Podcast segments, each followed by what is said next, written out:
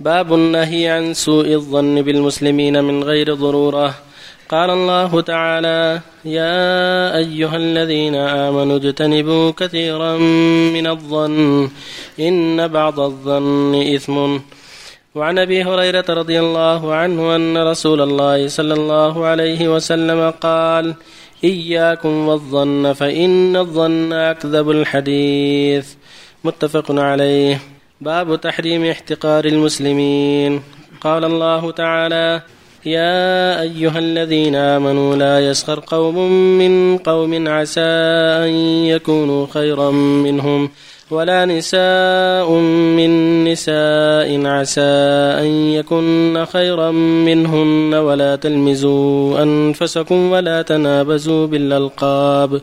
بئس الاسم الفسوق بعد الإيمان ومن لم يتب فأولئك هم الظالمون. وقال تعالى ويل لكل همزة لمزة.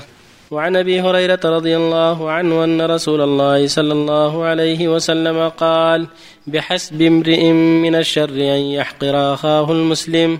رواه مسلم وقد سبق قريبا بطوله.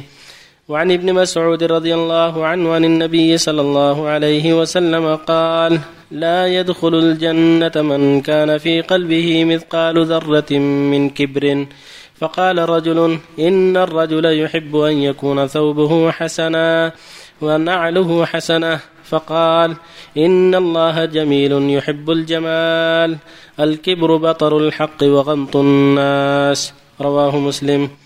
وعن جندب بن عبد الله رضي الله عنه قال قال رسول الله صلى الله عليه وسلم قال رجل والله لا يغفر الله لفلان. فقال الله عز وجل من ذا الذي يتألى علي أن لا أغفر لفلان؟ إني قد غفرت له وأحبطت عملك. رواه مسلم. وبالله التوفيق صلى الله عليه وسلم. الحمد لله وصلى الله وسلم على رسول الله. وعلى آله وأصحابه من اهتدى بهداه أما بعد هذه الآية الكريمة مع الأحاديث تدل على تحريم سوء الظن بالمسلمين والسخرية واللمز والهمز والاحتقار كما يحرم التجسس والغيبة والنميمة والكذب والظلم هكذا يحرم احتقار المسلم أخيه. سوء الظن به لمزه وهمزه نبذه باللقب إلى غير هذا مما يسبب الشحنة والعداوة والبغضاء بين المسلمين. الواجب على المؤمن حسن الظن بأخيه إلا إذا تبين منه خلاف ذلك. الله جل وعلا يقول يا أيها الذين آمنوا اجتنبوا كثيرا من الظن. ما قال كل الظن؟ قال كثيرا من الظن. لأن بعض الظن قد يصيب قد يكون علامات شهود يشهدون عليه بالشيء أو مواقف التهم التي يقفها ويجالس أهلها توجب سوء الظن به لكن ما دام مبتعدا عن مجالس السوء بعيدا عن مواقف التهم فلا يجب سوء الظن به بل يجب حسن الظن به. يقول صلى الله عليه وسلم إياكم والظن. يعني الذي ليس عليه دليل الظن ما عليه دليل. إياكم والظن فإن الظن أكذب الحديث. أما الظن عليه دليل من بينة هذا يعتبر ولهذا قال جل وعلا اجتنبوا كثيرا من الظن. الشاهد شهد اذا شهد بالحق مع اليمين. غلب على الظن صدقه. وهكذا الشاهدان قد يفيدان اليقين وقد يفيدان الظن. وهكذا وجود التهم والعلامات. والله جل وعلا يقول يا أيها الذين آمنوا لا يسخروا من قوم عسى أن يكونوا خيرا منهم. ولا نساء من نساء عسى أن يكون خيرا منهن. السخرية أصلها الاحتقار. يحتقره ويسخر منه. ولا تلمزوا أنفسكم لمز العيب. لأنه يسبب الشحنة.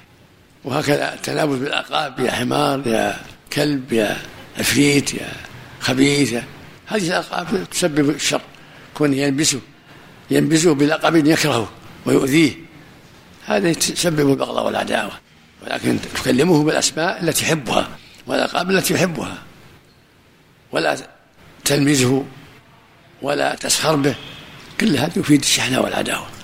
ولكن المسلم يرفق بأخيه ويحسن به الظن ويخاطبه بالألقاب والأسماء التي يحبها.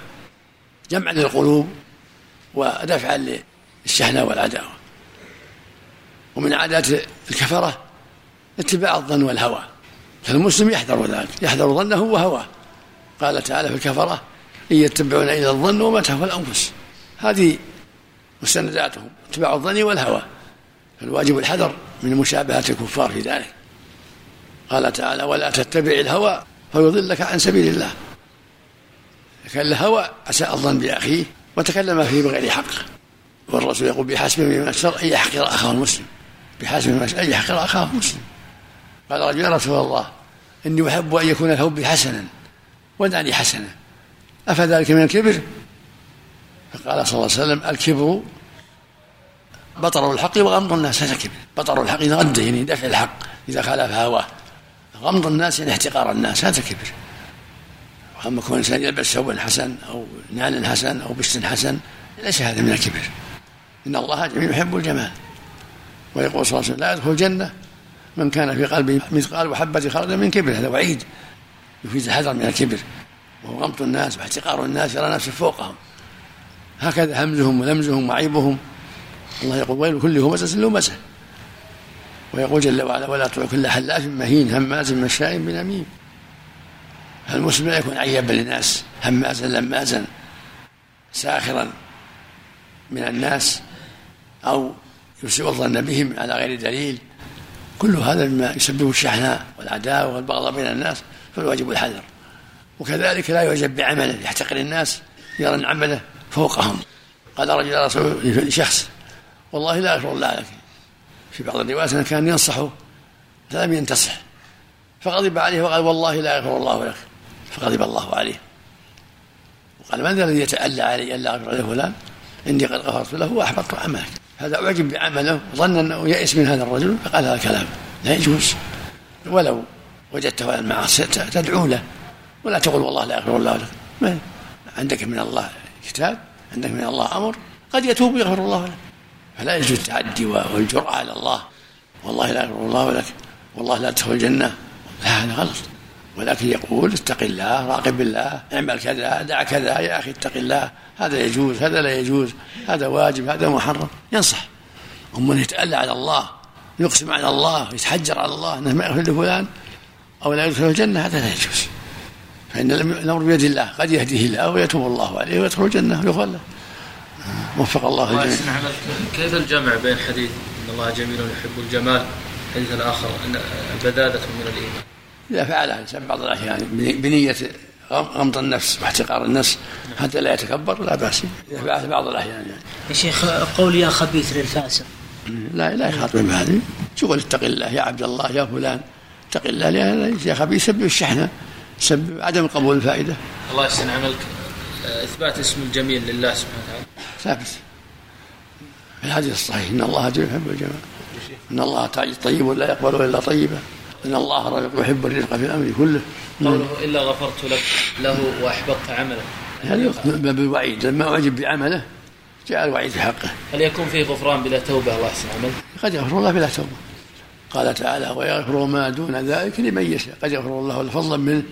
أو لأعمال صالحة فعلها أو لمعروف بذله أو لتفريج كربة لمسلم أو لصدقة فعلها أو لأسباب أخرى. الله يحسن عملك. قول بعض السلف ما أظن الله أن يغفر للمأمون إدخاله كتب اليونان كل هذا ما يجوز.